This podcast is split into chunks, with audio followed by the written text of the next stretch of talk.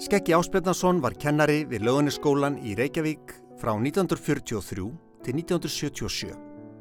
Hann er sagaður um kynferðslega misnótkun á drengjum í skólan. Hann leitaði bara að því sem var viðkvæmt hjá börnum og, og, sagði, og, og gerði svo grínaði fyrir framann allan bekkin. Maður læriði það bara strax að vera eins og mús maður fór bara inn í sig og maður var bara lítil mús að því ég menna fullorðið fólki þá daga og börn, það var svo mikið bíl á milli. Hann var, ég menna, þetta var velklættur maður og virðulegur og hann var í útvarpinu og, og hann var svona, þú veist, svolítið númer. Allt sem að fullorðan fólki gerði, það var rétt. Þetta er það sem við vitum núna. Brot skeggja gegn drengjum í löðuniskólanum virðast vera miklu umfangsmeiri en rætt var um fyrir átta árum. Gretar sem var nefnandi skeggja á árunum 1974 til 1976 sakar hann um kynferðisbrot gegn sér. Það eru fleiri sögur. Ég, einhvern hlut að valda hann mig að því ég var bara áleitlegt fórnalamp í hans huga. Hann komst upp með þetta vegna þess að þá var bara raðlínur í bekkjónum eins og var í gamla daga allir í rauð og þeir sem voru fyrir aftan að sá ekki hvað það var að gera og þeir sem voru fyrir fram að voru stiltir á brúðir og snýru sér fram að sínum leksíu. Stóra spurningin er þessi. Vissu skólastjórnendur löganiskóla af þessum myndu glæpum skeggja? Svarið gæti verið að finna í skjálasafni löganiskólans sem er geimt á borgarskjálasafninu. Starfsfólk Sapsins hefur verið mjög hjálplegt en ber fyrir sig ákvæði í 2070 grein laga um engamálefni, einstaklíka. Af þeim sögum höfum við Solveig Ólafstóttir aðeins fengið að sjá hluta af þessu skjálasafni. Fáinn að bekjarklata skeggja og svo myndasapp skólans. Dómsmálaráðunitið hefur sumu leiðis ekki orðið við óskminni um að fá aðgang að gögnum ráðunnitisins. Það sem ég vil sannreina er hversu margir af viðmælendum vistheimilanendar sögðu frá kynferðisafbrotum skeggja. Starfsmöður ráðunnitisins var búin að nefna tíu eða fleiri í viðtali. Ég kerði sinjun ráðunnitisins til úrskurðarnemdar um upplýsingalög sem hefur málið til umfullunar.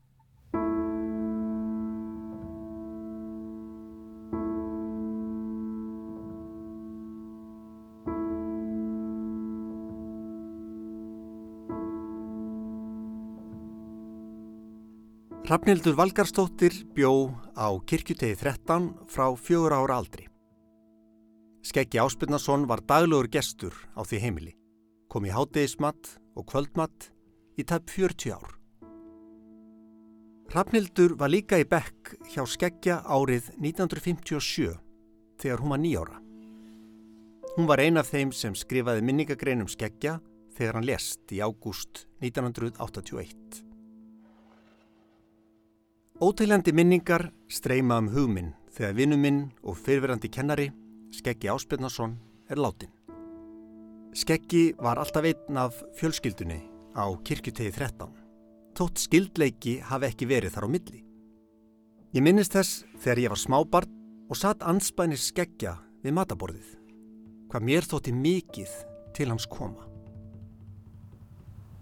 Pappi Pál, fórstupappi minn, hann var úr borgarfyrði og ég hugsa hvað þetta var svolítið algengt á þeim tímum að svona einstæðingar sem að komu í, í borg, til borgarinnar og, og, og þekktu engan og að þá fengu að vera í fæði hjá svona virtum fjölskyldum sko sem að treystu sér höfðu húsplás til að taka á móti þessum drengjum, það, það voru bara drengir hjá okkur. Og, og skeggi var bara svona Já, hann, svona, hann kom bara klukkan 12, það var að setja klukkun eftir honum og klukkan 7 og svo eftir matinn þá sett hann stólinn á borðinu, stóð upp, neyði sig og sagði takk fyrir matinn og fór. Hann hafði aldrei neitt, tók aldrei þátt í neinum samræðum og, og hann fór alltaf svolítið hjá sér ef, ef aðteglinn beindist á honum og ég man eftir að tvær sýstur mömmu, fóstumömminar, þær hérna, þær áttu það til að stríða honum. Það, hann var ekki sáttu við það, hann horfið sko í allar áttir, hann horfið eiginlega aldrei framann í fólk. Þegar ásakanir á hendur skeggja komu fram árið 2014 skiptir Hrafnildur um skoðun á skeggja. Góðar minningar um hann breyttust í hrylling. Sko fyrst náttúrulega fór ég bara í afneitun, það gaf bara ekki verið. Svo fannst mér það bara svo hryllilegt og ég man að svona minn, hann, hann sagði við mig, Guð mamma, ég sat á móti þessu manni við mataborðið, þessu skrýmsli, sko þetta var náttúrulega bara algjört á fall. Hvernig var þetta hægt? Og í lauganir skóla. En mér finnst þetta bara svo hryllilegt.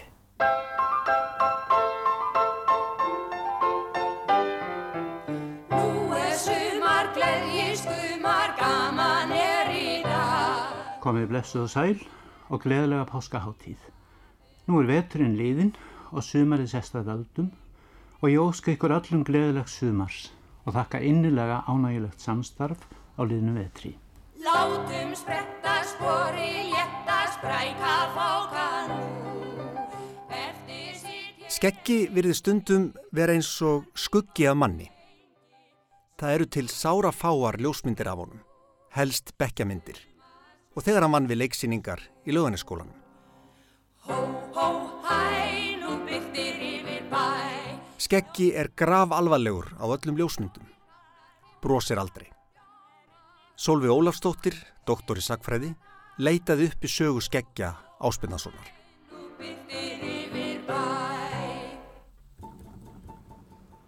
Skeggi var fættur á beitistöðum í Leirásveit eh, 7. mars 1911. Eh, Beitistæðir eru bara rétt fyrir ofan eh, Akranes, eða Skagan eins og ég kalla hann. En foreldra hans voru Áspjöld Magnússon sem var þar smiður og mamman var Jónína Sofía Davíðsdóttir. Og þau byggur hérna bara í kofa í landi beitistæða en þar voru foreldrar Áspjöld spændur. Og á því heimili var í föðubróðu skeggja, Július, en hann var geðveikur. Og Áspjöld var sagður mjög einkennilegur í háttum en talin ágæti smiður. Það sem vekur aðtekli var að Jónína var 18 árum yngri en Áspjöld og þau fylgdust svona að svona fyrstu 7-8 ár skeggja og þau voru lengst á beitistöðum en tvö ár voruð í Skipanesi sem líka er í Leirusveit. Og árið 1916 þá hérna, lést Magnús föður af við skeggja og nokkru síðar þá skildu Áspjörn og Jónina að skiptum. Fyrst fór Jónina bara nýra á skaga og hafði skeggja með sér en þegar skeggi var orðin 10 ára þá flutti Jónina burt og skildi bara skeggja eftir sem tökubarn og sveitaframfæri. Og Jónin átti svo eftir að giftast og eignast fjölskyldi borgarfyrðinu. Hvað verður þá um skeggja Solveig? Það er ekki alveg ljóst, en uh, eftir að föðuramma skeggja lést árið 1921 þá fór Július inn á Klepp og Áspjörn settist að því kofa á Akranesi. Það er ekkert að sjá að skeggja hafi búið þar hjá föðusunum, þó hann hafi verið femdur þaðan. Og ég get ekki fundið skeggja í ofinbjörnum heimildum frá fermingu, hvorki í Norðurárdal eða á Akranesi, en í manntalinu 1930 þá er hann til heimilis hjá móður sinni og stjúpa. Uh, næst veit ég af skeggja árið 1934, þá líkur hann kennaraprófi frá kennaraskólanum í Reykjavík og á meðan hann var þar þá legði hann í Bergstæðastræti 73. Og árið 1934-35 er skeggi farkennari í Norðurárdal eða allt þar til hann í raun og veru bara sendur árið 1936 í oktober uh, norður á Seglufjörð. Hann bjóð þar og starfaði sagt í fimm ár og einnig sá hann um einhvers konar vinnuskóla fyrir unga drengi. Árið 1937 þá tekur skeggi þátt í uppsetningu leikfélag Seglufjörðar á Þorlóki þreytta sem var svona mjög vinsæl fassi settur upp allstaðar. En í gaggríndan leikriti var skeggi bæði sagði viðvaningur og gerir fullt, fullt allt og mikið af handafumi. Í alvöru? Já, Þannig að hann leik sjálfur á sviði? einu sinni allavega, það, er, það var bókað. En ekki, ég, finn ekki neinn önnur leikafreg hjá honum. Nefna það svo sem hann tekur upp í lögunisskólanum sem er að setja upp ótal leiksýningar á páskum og, og jólum og svo framvegis. Já, en þá er hann alltaf bara í hlutverki uh, hérna, leikstjóra. En þessi leiklistar áhugi hefur þá vaknað snemma. Alveg, það kemur alveg fram. Og í raun og veru má segja það að það ste- stendur á endum að Áspjörn Fæði Skeggja, hann lést árið 1943 og það er sama ár og hérna Skeggi ræðist að laugarnaskólanum, þar sem hann kendi í 34 ár.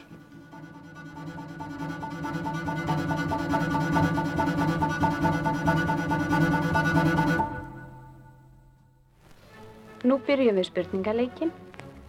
Hérna er Stjerti Ásbjarnason. Komið blessuð og sæl. Þessi börn sem eru hjá mér núna ætla að taka þátt í leiknum eru fimm. Eitt stór drengur. Hvað heitir þú, drengur minn? Halldór Blöndal og er 11 ára komið blessa á sæl. Já, ég kannast vel við því hérna núna. Og þú? Magnús Jónsson og er 11 ára komið sæl og blessu. Og hvað heitir þú, drengur minn? Styrmi Gunnarsson og er 11 ára komið sæl og blessu. Já, Helga Pálsdóttir og er 11 ára komið sæl og blessu. og þú, telpa mín, hvað heitir þú? Guðjónsson, 11 ára komið sæl og blessu. Já, þá getum við líklega að það. Byrja hann að leik. Þetta er skeggi að skemmta börnum í útastætti með Hildi Kalman frá 1950. Það fyrsta sem þau eiga að geta upp á er lags. Lags. Það hefur komið í ljós af samtölum við nefnendur við löganiskólan og þá sem þekktu til skeggja að hann var gríðalegur einfari. Samt að skeggi landskunnur fyrir umsjón með barnaefni fyrir ríkisútarpið. Jæja, þá getum við byrjað. Er það maður? Nei, það er ekki maður. Er það stórt? Það getur orðið nokkuð stórt en ekki lifandi? mjög. Eh, Já, já. Er það dýr? Það er, já, það er dýr. Það er eh, talað um það í dýrafræðinni. Lifir það hér á landi? Það lifir hér við land. Hann fekk gjarna uppáhaldsnefndu sína úr löganiskólanum til að taka þátt í spurningaleikjum eða tónlistagetrunum. Þarna voru meðal annara kynntir til sögunar, Halldór Blöndal, alþengismadur og Styrmir Gunnarsson, rittstjóri.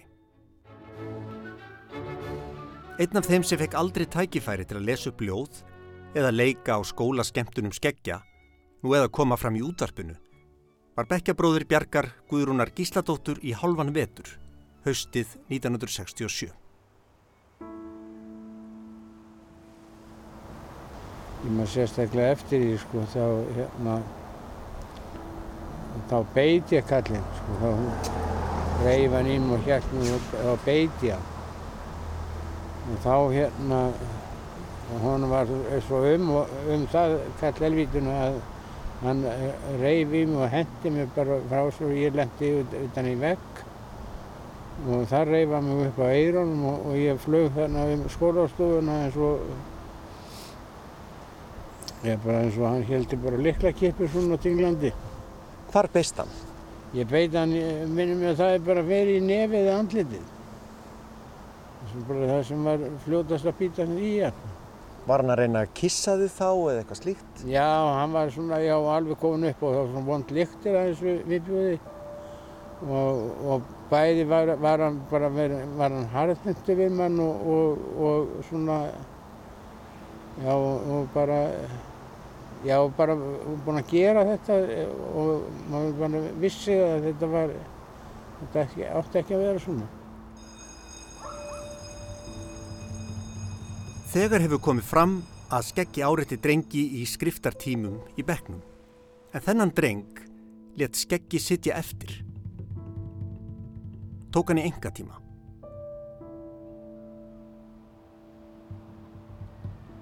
Við erum stattir hérna við löganiskólan, það, það er komið haust og börn byrjuð í skóla eins og, eins og lög gerir ráð fyrir. Já, Þið ætla að fá fullt nafn fyrst hjá þér. það er Páll Guðfinnur Gústason.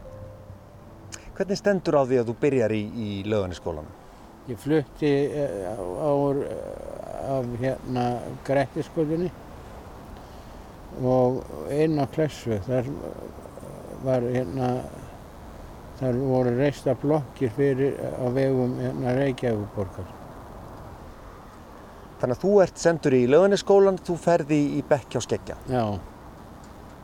Hvað gerir svo, Pál? Svo er ég þarna bara í, í skólanum bara í, og fljótlega byrjar, byrjar, byrjar kallinn með svona, ég alltaf að, var alltaf aðtast í mér eitthvað sko, svona setjandi út á mann og, og tók svona nokkra fyrir svona að setja út á, út á, út á mann og maður var ekki nógu góður í þessu, maður satt ekki nógu rétt og allt eftir þessu. Og svo leiði nú einhver tími og þá byrjaði að, að, að láta maður sitja eftir. Og, og þegar út, út af lærdómum sem átt að skila sér þegar maður var ekki þegar hans var ekki nógu góður að hans mati að þá hérna tók hann sér til og, og hlammaði hann sér sagði þú sittur eftir ég þarf að ræða við þig. Og, og sem maður gerði. Og þá byrjaði hann sér og, og sagði maður að koma upp á töflu eða, já, og, hérna hlammaði sér, setti stól og setti svo sjálfur við hliðina og setti svo bókaskrutuna fyrir framann sem var átt að vera búin að fylla út eða skrifa og svo byrjaði fljóðlega, svo byrjaði bara eiginlega nokkur veginn strax uh, þessar strókur og svo var það bara farið inn á mann bara beint í busnaklaufin og rent niður og, og það var bara fyrir að vitla við mann og maður vissi að uh, maður gerir sér strax grein fyrir því að þetta var ekki eins og átt að vera.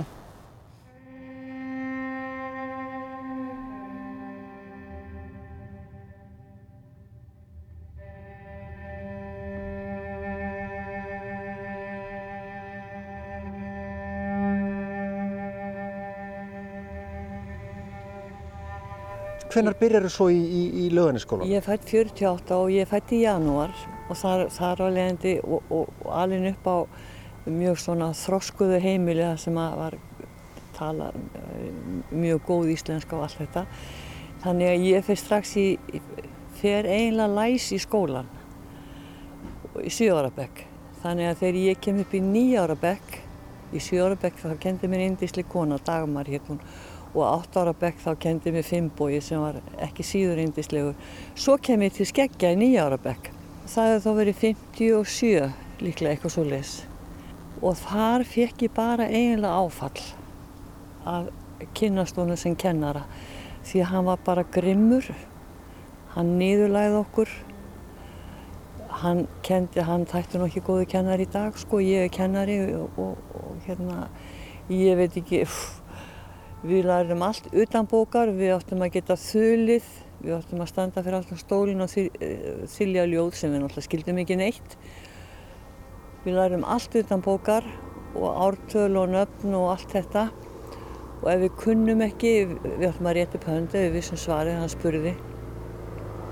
Og ef við kunnum ekki, þá niðurlaði hann okkur. Hann hafði alltaf einhver tök á því að niðurlæja þann nefnanda sem að þannig að maður rétti frekar pönd þóttist vita heldur en að vera niðri með hönduna því þá var að öruglega var maður spurður.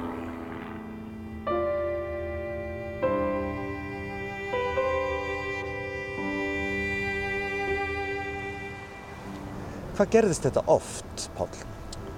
Þetta skeiði nefnilega fjandi oft sko þanga til að ég hérna let mér bara hverfa. Ég veist að þessu myndi ekkert linna. Hvað áttu við með því að láta þig hverfa? Ég bara hætti það að mæta í þetta í skólan. Fór, þá bjóð ég hérna, þá, já bjóð ég út þessu og þá var, þá fór maður og setti bara skólatöskuna sína, faldi hana bara og, og hérna setja hann bak við stein eða eitthvað og fór svo bara í bæin og hitti eldri stráka og svona. Og... Þannig að þú sagðir heima að þú verður að fara í skólan en þú Já. fórst ekkert í skólan? Nei, var ekkert á leiðinu þánga. Hvað gerðist svo? Svo var bara, var það úr því að ég var bara tekinn og standur í sveit á heimili sem var ágættis heimili sko, bóndabæði. sem ég hafi verið á sömrin og það, það var mjög góðu staðu. En lær, var ekkert lærdómum það neitt. Getur þú líst tilfinningunum sem, sem koma upp þegar að, að skeggi er að leita þarna á þig og, og bregðast uh, þessu trösti sem ríkir á milli nefnenda og, og kennara? Nei, ekki nema mér fannst þetta bara að vera svo ógæslegt og svo, svo, svo í fríminutund þá var hann alltaf að fylgjast með sko, ég mann þetta hérna einu sinni í snjókasti, það var strákur sem heima á hodninu Lúfið hérna, við varum í snjókasti, bara henda snjóbortum eins og krakka að gera þá tók hann, þá tók hann mig alveg sérstaklega fyrir og, og, og raug til og kæfði mig í snjónum svona, veldi mér og kæfði mig í snjónum. Mér fannst alltaf að hann verið rosalega uppsegað við mig. Það getur kannski verið eitthvað vittlesa en mér fannst alltaf, ég, og svo fekk ég aldrei fríð fyrir honum. Það var ekki, þó að maður ekki að, að eiga vimmana þá var það bara að, það var alltaf að setja út á og gera lítið úr manni og, og svona, já, óþvara hann.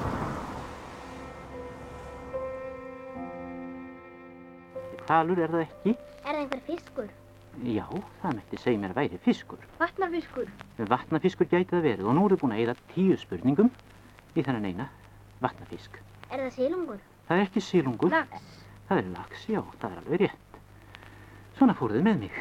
Unnu þetta þið, gátuð tólf sinnum og unnu mig. Já, skrambi, sleip, svona til að byrja með en allir kom mér ekki á stryk svona setna meir og vinni ykkur aftur þið eigið það fyrir því.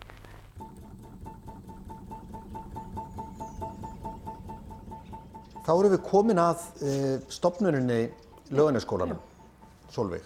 Og uh, þegar Skeggi kemur í, í löguniskólan þá er hann að ganga inn í mjög virta stopnun. Skólinn er stopnaði 35. Hvers konar stopnun er löguniskólinn sem Skeggi byrjar að kenna við árið 1943? Þetta var virðuleg stopnun, ofbúslega hérna, mikið af börnum, þegar hverfi sem er að byggjast mjög hratt upp og víðfemt þannig að krakkarnir komu allstaðar að úr alls konar heimilum. En þarna var skólastjóri Jón Sigursson, hann var skólastjóri frá 1935 til 1965 í 35 ár. Og hann hafði samverkamann, eiginlega nánast frá upphafi, sem var Gunnar Guðmundsson. Hann sagt, var yfirkennari frá 1945, þannig að tveimur ánum eftir að, að skeggi kemur til starfa, þá er Gunnar orðin yfirkennari. Hann verður síðar skólastjóri frá 1965 til 1973, þannig að hann er við skólan í 36 ár. Og það sem er svo merkilegt að þá tekur við uh, hérna, annar skólastjóri sem hafði líka verið yfirkennari. Það er Jón Freyr Þórarensson. Hann var kennari frá 1956 og kendi til 1965. Þá verður hann yfirkennari og er það til 1973 þegar sagt, Gunnar hættir og er svo skólastjóri frá árið 1973 til 2000. Hann er sem sagt við skólan í 44 ár og þaraf er hann skólastjóri í 27 ár. Þetta er stofnunin. Þannig að allir þessir þrýr menn sem voru líka skólastjórar unnu með skeggja áspölda sinni. Já, og voru yfirmenn hans. Það sést á þessu litla sem ég fengi að sjá á skjálasafninu að það er nánast engin munur gerður á skólastjóra og yfirkennara. Þannig að allt sem skólastjórin veit, það veit yfirkennari líka? Já.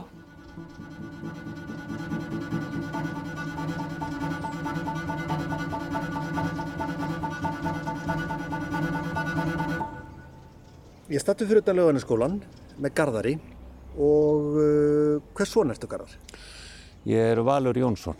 Garðar Valur Jónsson. Já.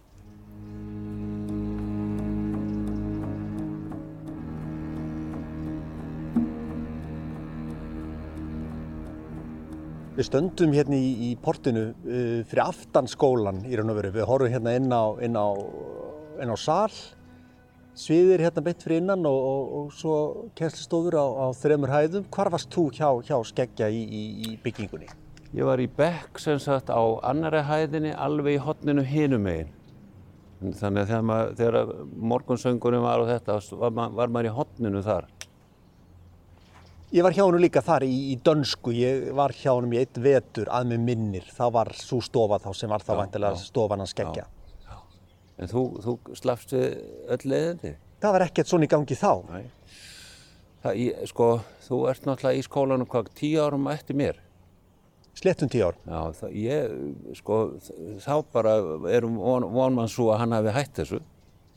En það getur ekki verið því að, að Nei, nei, ég er búinn að tala við, við einn dreng það, sem, að, sem er árið yngri en ég og hann lendi í Já. Gretar. Já.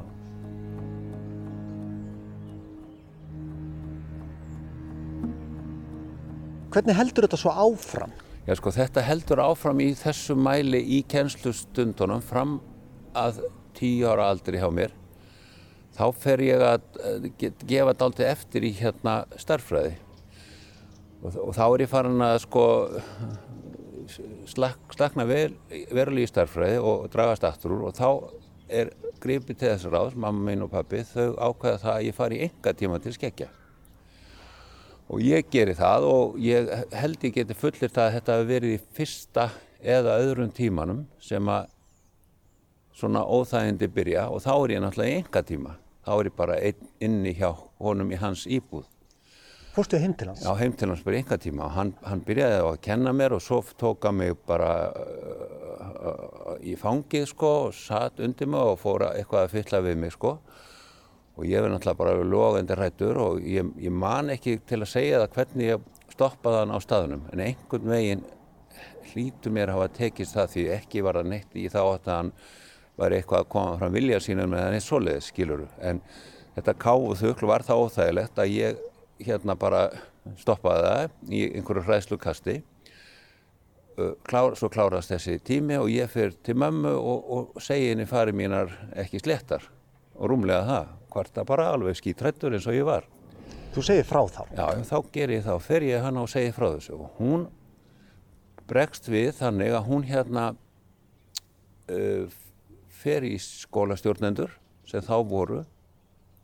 Ég held að ég muni rétt að hafi verið Gunnar skólastjóri og Jón Freyr yfirkennari.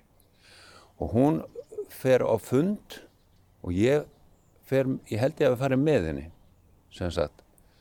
Og þar segir hún, le- leggur hún bara þetta fram, þessa kvörtun yfir þessu háttalegi og svo, hérna ég bara verða viðurkenna það ég man ekki hvort að það var til þess að skeggi var kallaður inn að hann fund eða ég, minnir þó ekki vegna þess að ég veit bara ekki hvort að ég hefði bara þórað að feysa það dæmi skiljur að því að maður var bara krakki sko. En allavega gagvart mér þá, þá, þá, þá, hætti árið gagvart mér. Og ég náttúrulega bara stóði þeirri trú að maðurinn hefði verið tekinn á teppið og sagt sem, sem bara bad þá held maður að þetta hefði bara verið stoppað og þetta væri bara búið og myndi aldrei gerast aftur.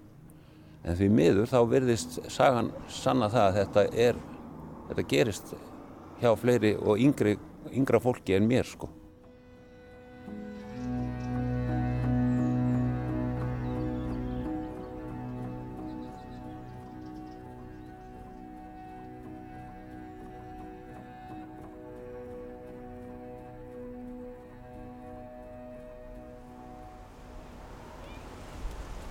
Sagður einhverjum frá þessu á þessum tíma, Páll? Ég sagði móði minni frá því og hérna og það var svona reykistefna heima hvort að þetta væri rétt og svona. Og sýster hennar var stödd akkurat og, og það voru svona yf, yfirheyslur eða já farið yfir, yfir málið. Nema það að, að, að mér var trúað þá var alltaf reynt að hafa svona hefur ekki miskilið þetta eða eitthvað svona sko Bara reynd að gera lítið úr þinni frásögn? Já, svona, já, bara haldið að ég væri, eh, hvort ég væri að fá aðtegli eða ég, ég bara get ekki útskilt það. Þú væri bara að skálda þetta? Já, já, eða, eða þetta hefur verið miskilningur eða eitthvað svona. Að ég var náttúrulega í fyrsta skipti sem þetta var og annars skipti, þá var ég bara í sjokki, sko, hvað, hvað, hvað við erum orðið fyrir þarna. Og hérna, En hvað var gert? Ég fór, uh, það endaði með því að, að, að, að móðin minn, hún fór á stað með mér, dró mig með sér og fór í, í, hérna í skólan og þar, þar, var, þar var bara allt vitlu sem skot á kennarastofunni. Og að, í minningunni hjá mér, hún, var rekin út. Ég var nú kallað, nei, na, var nú kallað leiganlöpur og, og, og allt eftir því og það var bara akkurat ekki neitt gert. Manstu hverju voru á þeim, þeim fundi? Það var bara, það var hérna þessi yfirkennari og, og, og, og skeggi var kom þarna náttúrulega. Gunnar skólastjóri, var hann á þessum fundi? Ég bara veit ekki hver var skólastjóri þarna. Hvað sagði skeggi á fundinu? Ég man nú ekki hvað hann sagði, það var allavega það að, að, að það, það væri alveg óþarf að ræða, eh, svona koma, þitt ekki að ræða þetta því að ég væri orlaði fyrir, fyrir, væri bara þekktur fyrir lígi og, og, og svona óþarf að hótt. Sagði skeggi það? Já.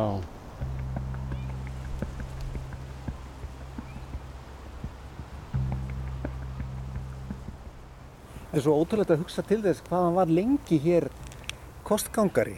Alltaf. Á kirkjuteg 13. Alltaf. Í öll þessi ár. Öll þessi ár. Kom hann einhvern veginn öðruvísi fram við þig eftir að þú varst orðin, orðin, orðin stálpuð, uh, Já. kona? Já, hann ger breyttist. Það kom út eftir mig bækur og, og hann svona eiginlega næstum því neyði sig fyrir mér. Þú veist, hann var svona alltaf snoppaður sko. Það var ekki sama hvort það voru lítil börn. Sko, það, það sem að hann hefur náttúrulega ekki reiknað með og, og þessi nýðingar og þessi, þessi skrýmsli sem að leggjast á lítil börn. Sko lítil börn verða oft fullorðin og þá segja þau frá. Skilur þau? Svona, svona menn reiknaður ekkert með því. Haldaði bara börn þegi alveg fram í rauðan döðan. Eða hugsaði bara aldrei um afleðinga gerða sinna.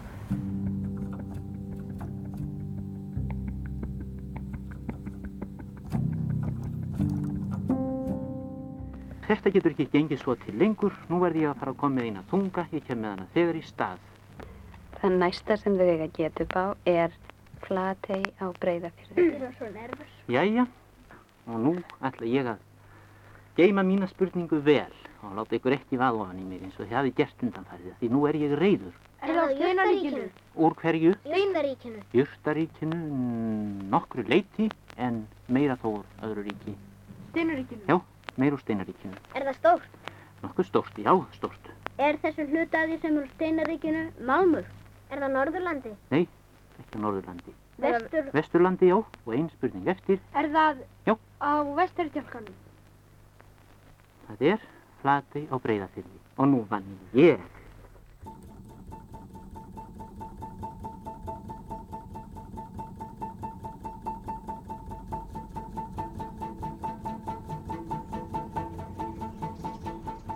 Við höfum rætt upp skeggja sem skugga. Það eina sem finnst á prenti Solveig eftir skeggja Áspetarsson, kennara við lögunaskólan í 43 ár, er minningagrein sem hann skrifar árið 1949. Já, þarna er hann að skrifa um uh, minningar orð um Pál Björgun Ólafsson sem að, að hérna, uh, var bara 13 ára þegar hann deyr á skýrdag árið 1949 og hann einmitt er að deyr í skólanum eða rétt fyrir utan skólan. Hann fær semst hjartaáfall. Og það er lýsing á því í, í hérna lítið til frétt í, í, í blöðunum frá þeim tíma að þá er sagt að hann hafi orðið bráðkvættur þarna og, og, og, og þegar hann hýgur niður að þá hleypir félagi hans inn og gerir skólastjóra aðvart sem brá við á samt tveimur kennurum og var drengurinn hreyfingarlaus er þeir komu og virtist á vera dáinn. Skólalæknirinn kom skömmu síðar og gerði árangurslausar líkunatilvunir. Þetta lítur að hafa verið mjög mikið áfall. Já, Skeggi sagt minningar orð um þennan dreng í april 1949 og þetta er mjög sérstök minningagrein. Hún er algjörlega á skjön við minningagreinar frá þessum tíma. Að hvaða leiti þá? Uh, það er til dæmis eins og hann er að ávarpa, uh, ávarpa drengin í fyrstu personu og mér langar bara aðeins til þess að, að, að, að hérna, drepa niður í, í greinina og þá segir hann hérna Palli minn, foreldrar þínir innrætt þér fagrar dygðir, þú ávakstaði þær og þær urðu þeim og öðrum til blessunar. Framkoma þín var fögur, hvar sem þú fóst. Þú vann störf þín eins og vel og þér var und, þú réttir hjálparhönd, þar sem þess var þörf. Þú varst sólargeistli á heimilið þínu og í skóla. Þú gafst okkur fyrirmynd, síndir okkur sem eftir lifum hvernig hægt er að vera góður drengur. Þú bættir þann litla heim sem þú lifðir í þitt bjarta og heiða bensku vor. Þetta er rosalegt. Það er það. Það er í sjálfsvegar ekkert aðtóavert við það að skeggi skrifi um nefndarsinn sem, sem deyr með þessum hætti. En það er þetta orðalag, þú varst sólargeisli sem er næstu því óþægilegt. Minningargreinar eða minningarorð eru svona sjanr sem er mjög fast í formi og ég tala ekki um árið 1949. Og mér langar bara til að gefa þið dæmi úr sama bladi, bara sunnudagurinn 24. april 1949. Þá er verið að skrifa um, um fullorðið mann. Einar var komin á góðum og gegnum bændaættum austfiskum. Fadir hans Eiríkur var Einarsson bónd á seljategi í reyðafyrði, Eiríkssonar bónda einnig þar. Voru þeir seljategsbændur kunnir af fjöri og frískleik. Þetta er típist. Það er ekki típist að skrifa Kæri ungi vinur. Ég þakka þér samveruna á liðnum árum við leiki, nám og verkleg störf. Ég þakka þér hjálpfísi þína, vináttu og treyð. Ég þakka þér sólskínið sem þú barst með þér hvar sem leiðin lá. Vertu sæl, við blessið þig, skeggi áspjarnarsson. Þetta er næstu því eins og ástarjáttning. Já, það er það.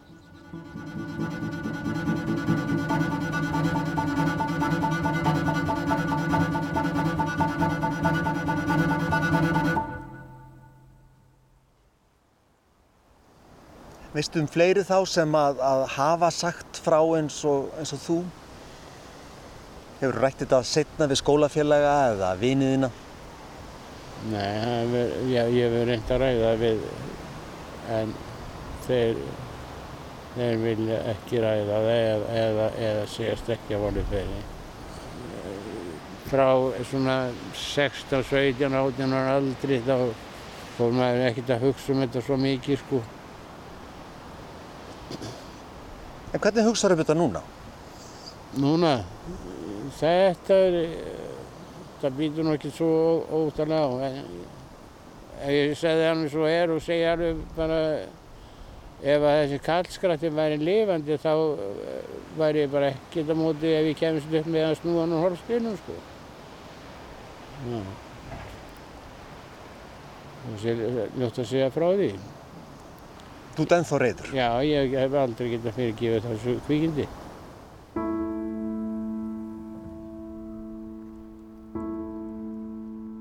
Ef hlustendur hafa einhverja frekari upplýsingar um mál skeggja Áspjarnasonar kennara við lögunaskólan, þá endilega sendiði mér post.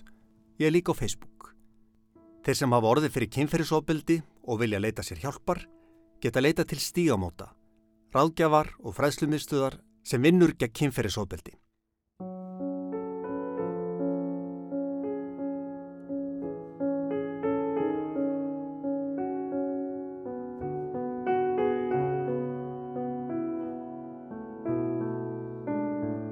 Í næsta þætti um skeggja. Ég get sagt það eh, í mjög stuttumáli er að skeggi er besti kennari sem að ég hef haft í, á minni mjög löngu skólagöngu. Ég var 20 ári í skóla og skeggi Áspjarnason er lang besti kennari sem að ég upplifði á þessu tímabili. Ég hef reynd að lýsa þessu eftir því sem ég þekkti til og uh, það, uh, það hefur svo á þínu, þínu bandi. Finnst þér óþægilegt að tala um þetta? Já, mér finnst það ekki skemmtilegt. Mér finnst það ekki skemmtilegt. Ég heiti Þorstein Jóð. Verið sæl.